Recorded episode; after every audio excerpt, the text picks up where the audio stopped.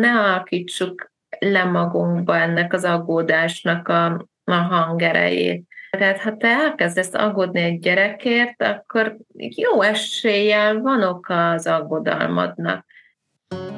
Azt tanuljuk, hogy tudunk jól bánni egymással és önmagunkkal. Tanuljuk ezt fiataloktól és az őket támogató szakemberektől. Olyan vendégekkel beszélgetünk, akik inspiráltnak a fejlődésre és mások életéhez való hozzájárulásra. Ez a Forrás, az Élmény Akadémia podcastja. Én Bárna Járpád vagyok, a podcast házigazdája. Ennek a beszélgetésnek a harmadik részében arról beszélgetünk Reményi Csekő Borbálával, aki van a szakmai vezetőjével, hogy a szuicid krízisnek milyen kapcsolata van a gyermekvédelmi jelzéshez. Ezért is lett külön epizód a beszélgetés ezen része, mert nagyon fontosnak tartom a gyerekvédelmi jelzésről való beszélgetést. Szóval beszélünk arról, hogyan is jó jelzést tenni, és mikre gondoljunk ezzel kapcsolatban. Emellett a remény szerepéről is beszélgetünk az öngyilkosság megelőzésében, hogyan tudunk több reményt teremteni akkor, amikor talán pont az a gond, hogy az, aki segítségét kér, nem nagyon lát reményt. Beszéltünk még arról, hogy a kapcsolatok és a közösség szerepe mennyire fontos eleme lehet a megelőzésben, Emellett még azok a kérdések merültek fel, hogy hogyan vigyázzon egy segítő magára. A titoktartás kérdését hogyan kezelik a kék vonalnál is mi is, hogy tudjuk úgy kezelni bizalmasan azokat a dolgokat, amit egy segítségkérő megoszt, hogy nem maradjunk egyedül, és a beszélgetést azzal zárjuk, hogy mit is lehet tanulni a kliensektől segítőként, valamint arra, hogy mivel és hogy lehet elérni a kék vonalat, én nagyon hálás vagyok azért a beszélgetésért, nem csak azért, mert lehetőség adódik egy picit bepillantani abban a nagyon fontos munkában, amit a kék vonalnál végeznek, hanem egy jó példa arra, hogy mit is lehet tanulni szakemberektől, laikusként, átlagemberként, ami mindannyiunk kapcsolataira jó hatással lehet. Fú, de nagyon jó, amit mondasz, mert két dolgot is hallok. Egyrészt, hogy aki bizalmat szavaz egy segítőnek, az valószínűleg annyira nehéz érzéseket, élményeket él át, hogy, hogy nagyon erős negatív élményekkel érkezik, és az első pár mondat, vagy az első része a beszélgetésnek simán lehet, hogy arról szól, hogy semmi nem működik, minden rossz. Aminek lehet oka egyébként az is, hogy mondjuk ez a negativitás, torzítás, hogy a negatív élmények nagyobbat ütnek. Meg így beszűkít. Igen, és egy olyan állapotban vagyok, hogy most még nem látom, de hogyha eléggé jól meghallgatsz, és mondjuk arra az életem színeire is kíváncsi vagy a, a fekete mellett, akkor segítesz nekem is hallani, ahogy kimondom, hogy azért, ja, szeretem ezt, vagy szeretek azt csinálni, és közben pedig nem győzködsz engem arról, hogy szerinted jó, hogy én nem is mhm. tudom, járok valami edzésre, vagy valami, hanem majd én, én mondjam meg, hogy mi az, ami tényleg jó. Tehát én vagyok a, az életem szakértője továbbra is. És akkor gondolom a kapcsolatoknak ebben szintén fontos szerepe, vagy ki az, aki tényleg fontos. Meg hát van azért egy olyan feladatunk, felelősségünk is, hogy különösen, ha a kiskorúakkal beszélünk, hogy hát, hogy van egy olyan, hogy gyermekvédelmi jelzőrendszer, mhm. és, és van olyan, hogy, hogy veszélyeztetett gyerekek, tehát, hogy arra is kíváncsiak vagyunk, hogy van-e egyáltalán esély arra, hogy, hogy ez a megkereső a természetes közegéből segítséget kap, hogy mennyire veszélyeztető az a háttér, ahonnan, uh-huh. ahonnan telefonál.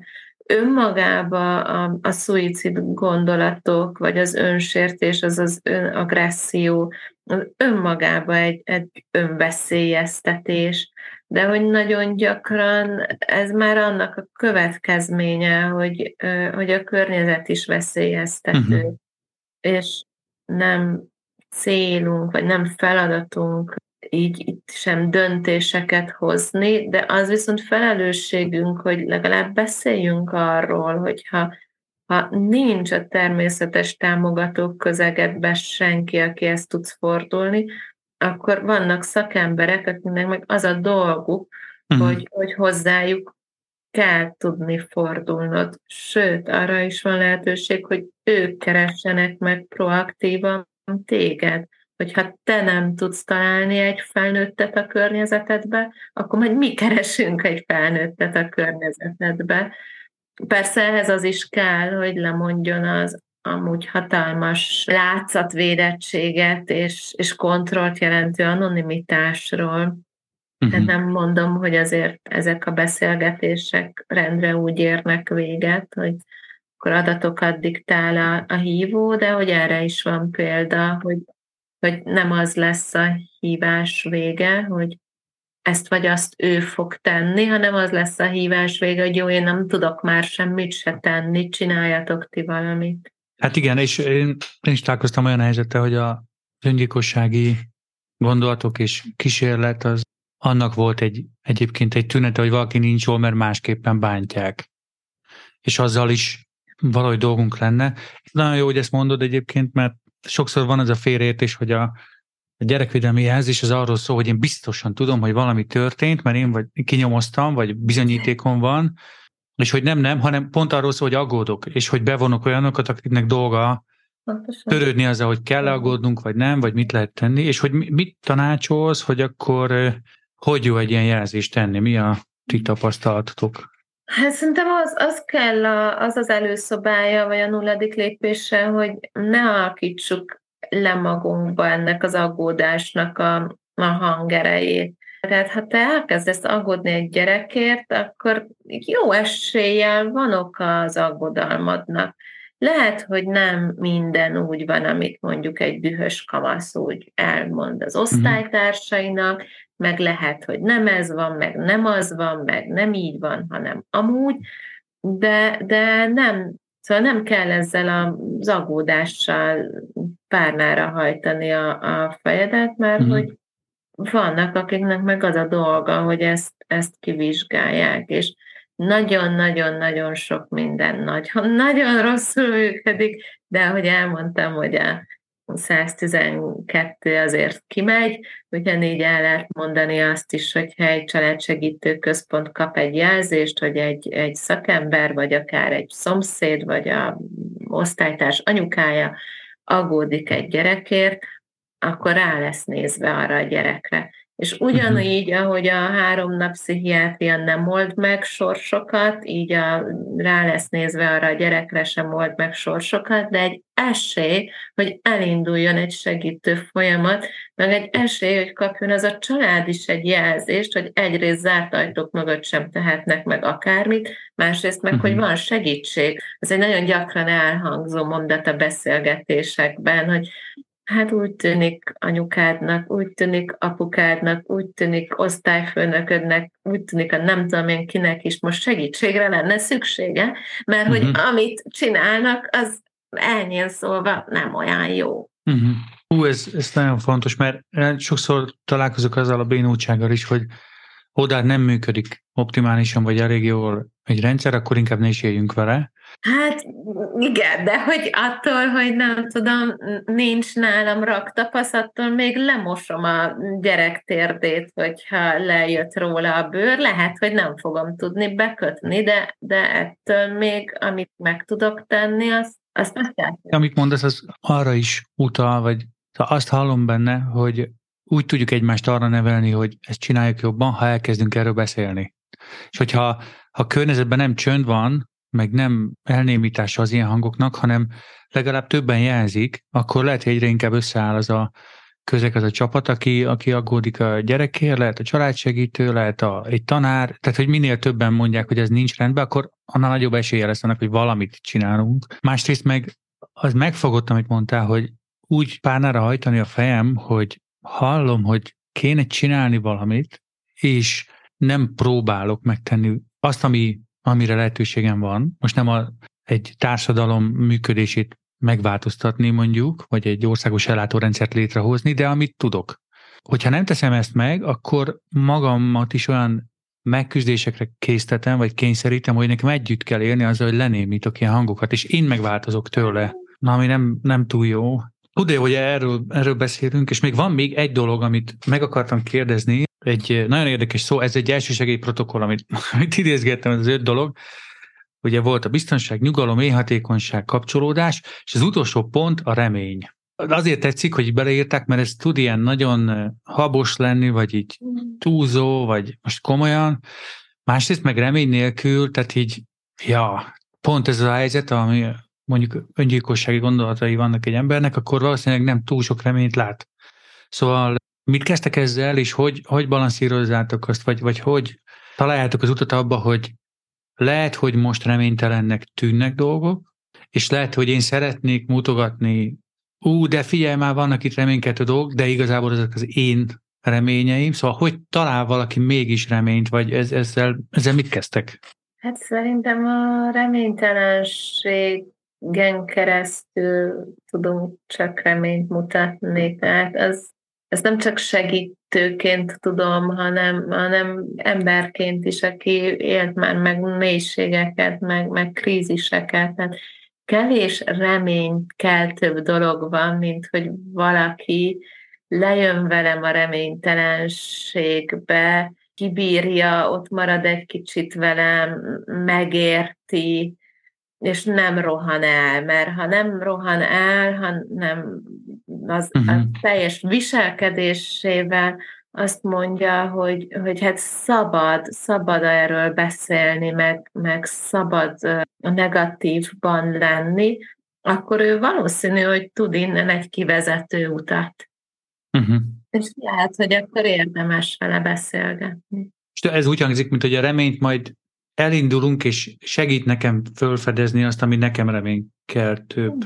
Lassan, de hogy nem kell, hogy most nekem már legyen valami. Ja, hát ha egy sötét erdő közepén vagyunk az éjszaka közepén, és még csillagok sincsenek az égen, akkor nagyon nehéz azt mondani, hogy induljunk el arra, mert, mert ott van Pécs, azt tudjuk mondani, hogy figyelj, nem vagy egyedül, kapaszkodjunk egymásba, és szép, óvatosan lépegetve induljunk el valamerre, és én elindulok, mert én hiszem, hogy valahol majd valami fényt meg fogunk látni. Hú, ez nagyon tetszik ez a kép, amit behozom, mert ja, a sötét erdőben valószínűleg apró kis lépésekbe fogunk elindulni. Igen. És fontos, hogy érezzük, hogy jó talaj van épp a lábunk alatt. Még gondoltam pár dologra segíts jól válogatni. Az egyik az az, hogy föltűnte valami, ami de szerinted nagyon fontos figyelnünk, hogyha nem csak az öngyilkosság témájával dolgozunk, hanem fiatalok fogalmazzák ezt meg. Bármi, ami ezzel kapcsolatban. Szerinted jó lenne, hát tudatosulna, vagy közkincs lenne? Egyik, ami nekem mostanában ilyen különösen hangsúlyos, az a magány. És olyan érdekes, hogy ez, ez ilyen top téma lett az online oktatás idején, és akkor úgy azt gondoltam, hogy hát ezt úgy értjük, hát persze, hogy magányosak, mert nem mehetnek sehova. De hogy nem múlt el.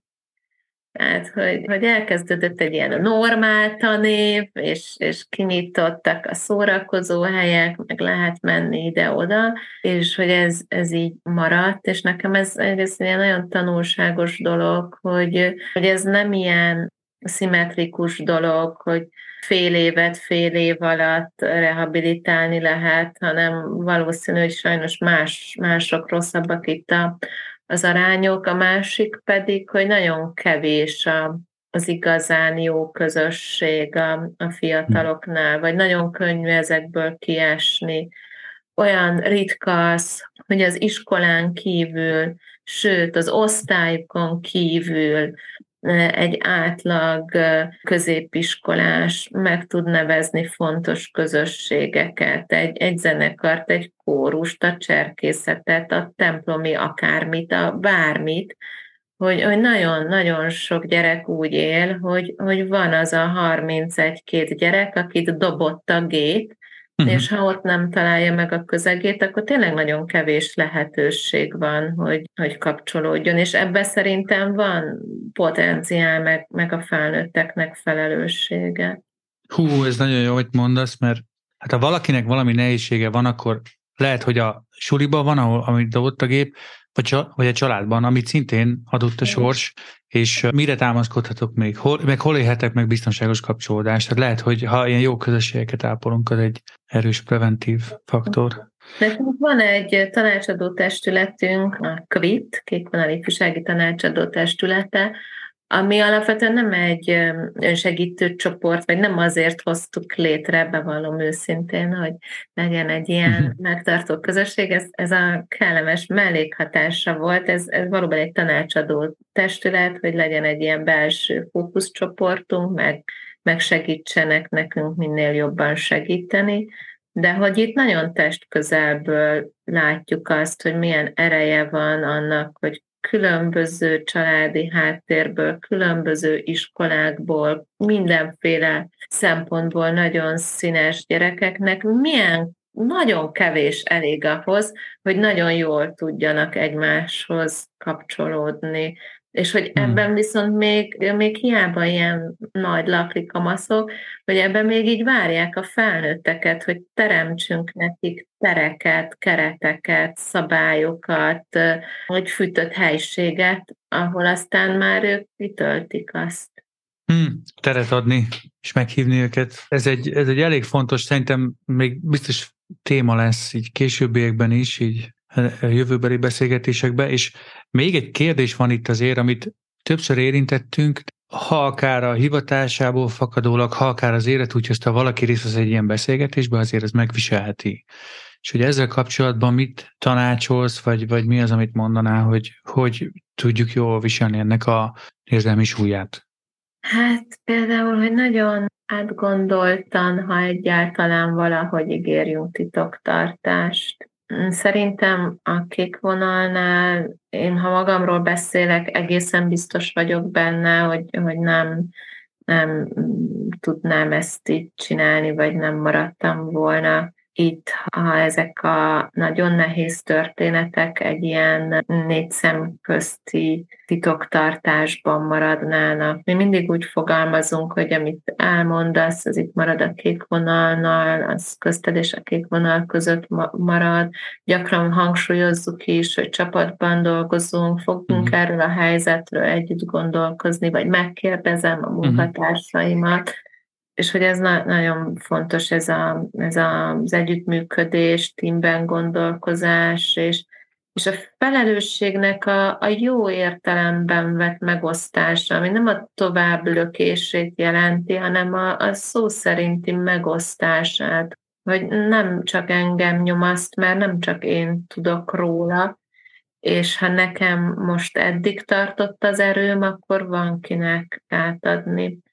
A másik pedig, hogy amit már említettem, hogy a gyerekek akkor tudnak egy kicsit jobban lenni, hogyha felnőttek egy kicsit jobban mhm. vannak.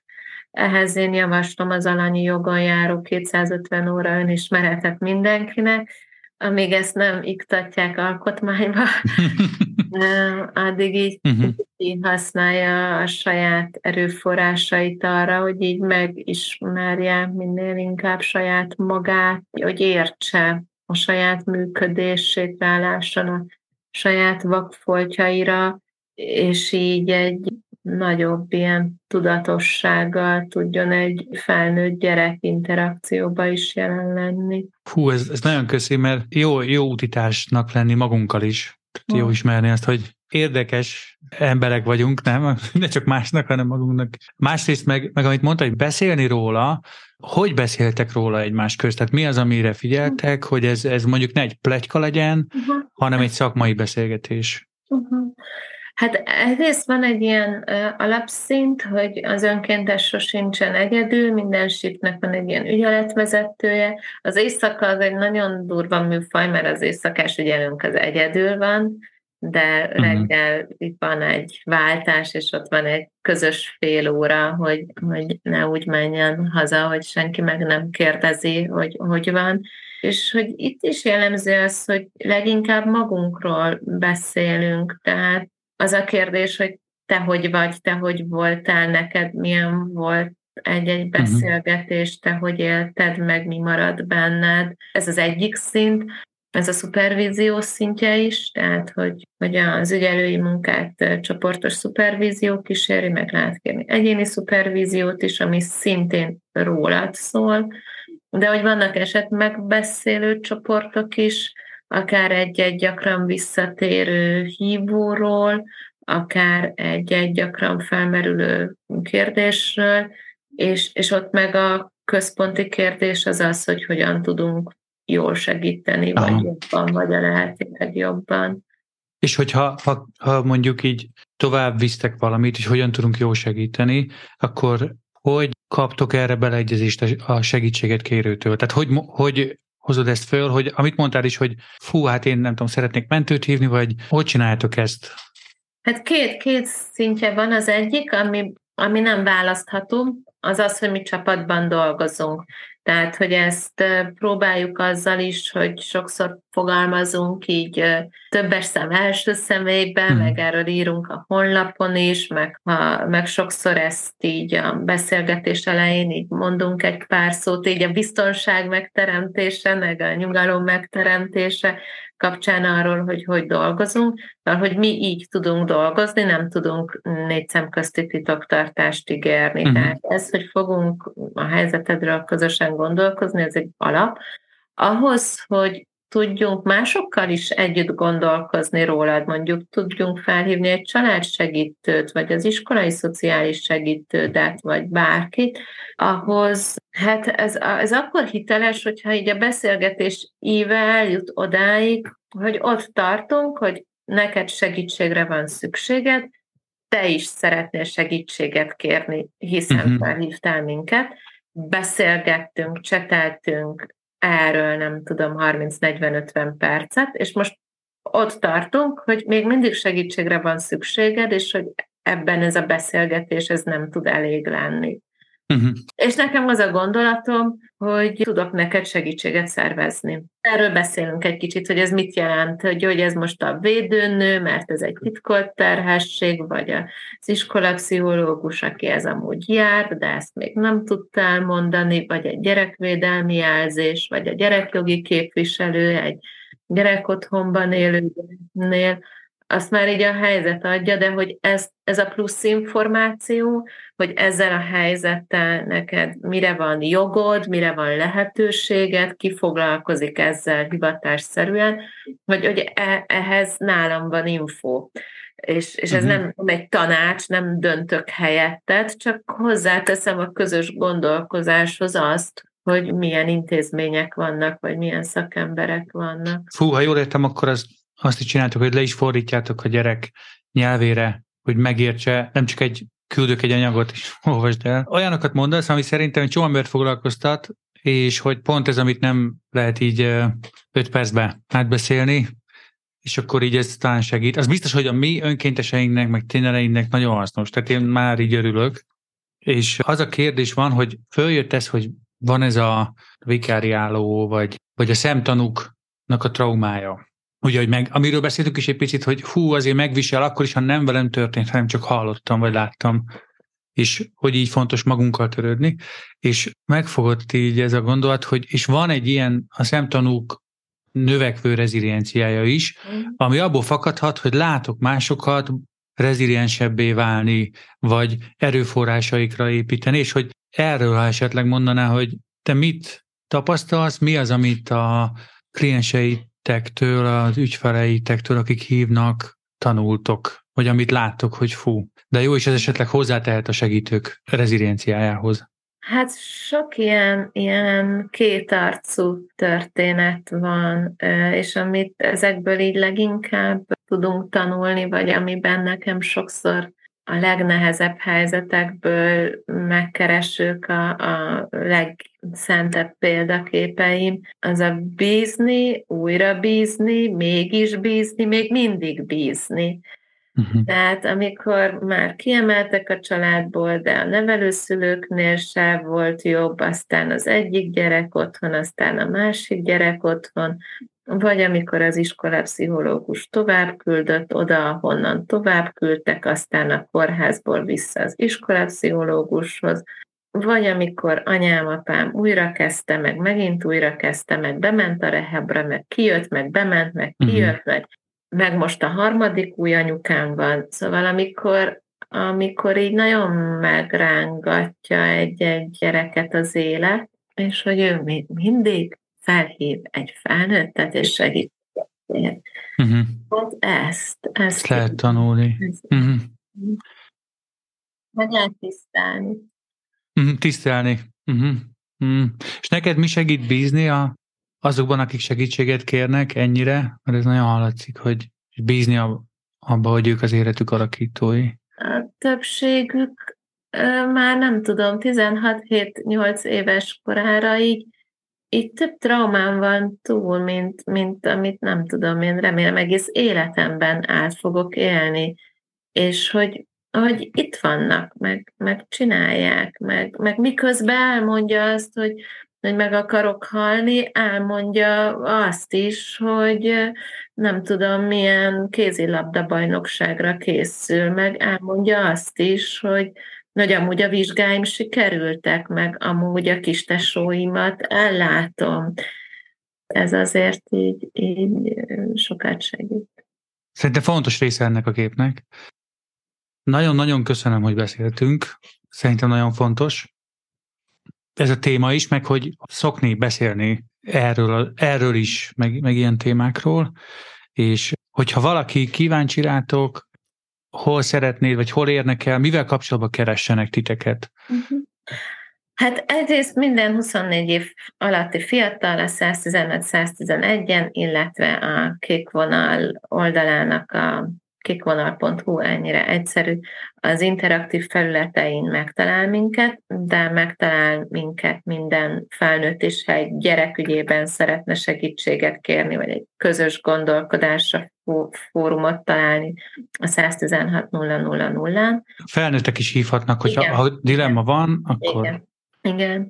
És ha valaki meg segíteni szeretné a munkánkat, akkor a, szintén a kékvonal.hu van egy támogatás almenü, meg egy csatlakoz almenü. Legközelebb így február végével indítunk új önkéntes képzést, tehát ha valakinek nem vettem el teljesen a kedvét, vagy nem ijesztettem el, akkor, akkor minden évben van több meghirdetett önkéntes képzésünk is. Ez egy tréningből, e-learning anyagokból és, és az ügyelői szobában való hospitálásból álló olyan két-három hónapnyi felkészítés, ami után valaki lehet ügyelő a lelkisegélyszolgálatban. Hát nagyon köszi ezt is, hogy csináljátok. Azért sok fiatalnak jobb az élete, amiért vagytok. A kék vonal száma előhívó szám vagy szám nélkül, névtelenül és ingyen hívható, éjjel-nappal. Ez a szám a 116-111. A kék vonalnál nagyon fontos társadalmi feladatot látnak el. Ha szeretnéd őket támogatni, teheted ezt adományjal is, és önkéntesként is. Ha jelentkeznél önkéntesnek, az önkéntes képzés kukac kékvonal.hu címen várják a jelentkezésed. Itt pusztán meghallgatása adhatsz támogatást, vagy akár menthetsz életet és ebben nem leszel egyedül, kapsz megfelelő felkészítést és támogatást. Egy másik aktuális hír, ami fontos lehet az Ukrajnából érkező menekülteket támogató szakembereknek, hogy december 22-től minden kedden és csütörtökön délután 4 és este 8 között várják a kékvonalnál a 24 év alatti fiatalok, gyermekek és értük aggódó szülők hívásait, ukrán és orosz nyelven is, a plusz 36 80 984 590-es számon. A telefonos lelkisegélyvonal mellett e-mailben is próbálnak segíteni a hozzájuk fordulóknak a Ukraine kukackékvonal.hu e-mail címen, ukrán vagy orosz nyelven. Ezeket az információkat is megtaláljátok az epizód leírásában. Köszönjük, hogy meghallgattad ezt az epizódját a podcastnak. Ha hasznosnak, inspirálónak találod a munkánkat, kövess minket a leírásban található linkeken. Ha támogatni szeretnéd a munkánkat, segíthetsz a visszajelzéseddel, azzal, ha ajánlasz minket másoknak, és adományjal is segítheted a működésünket.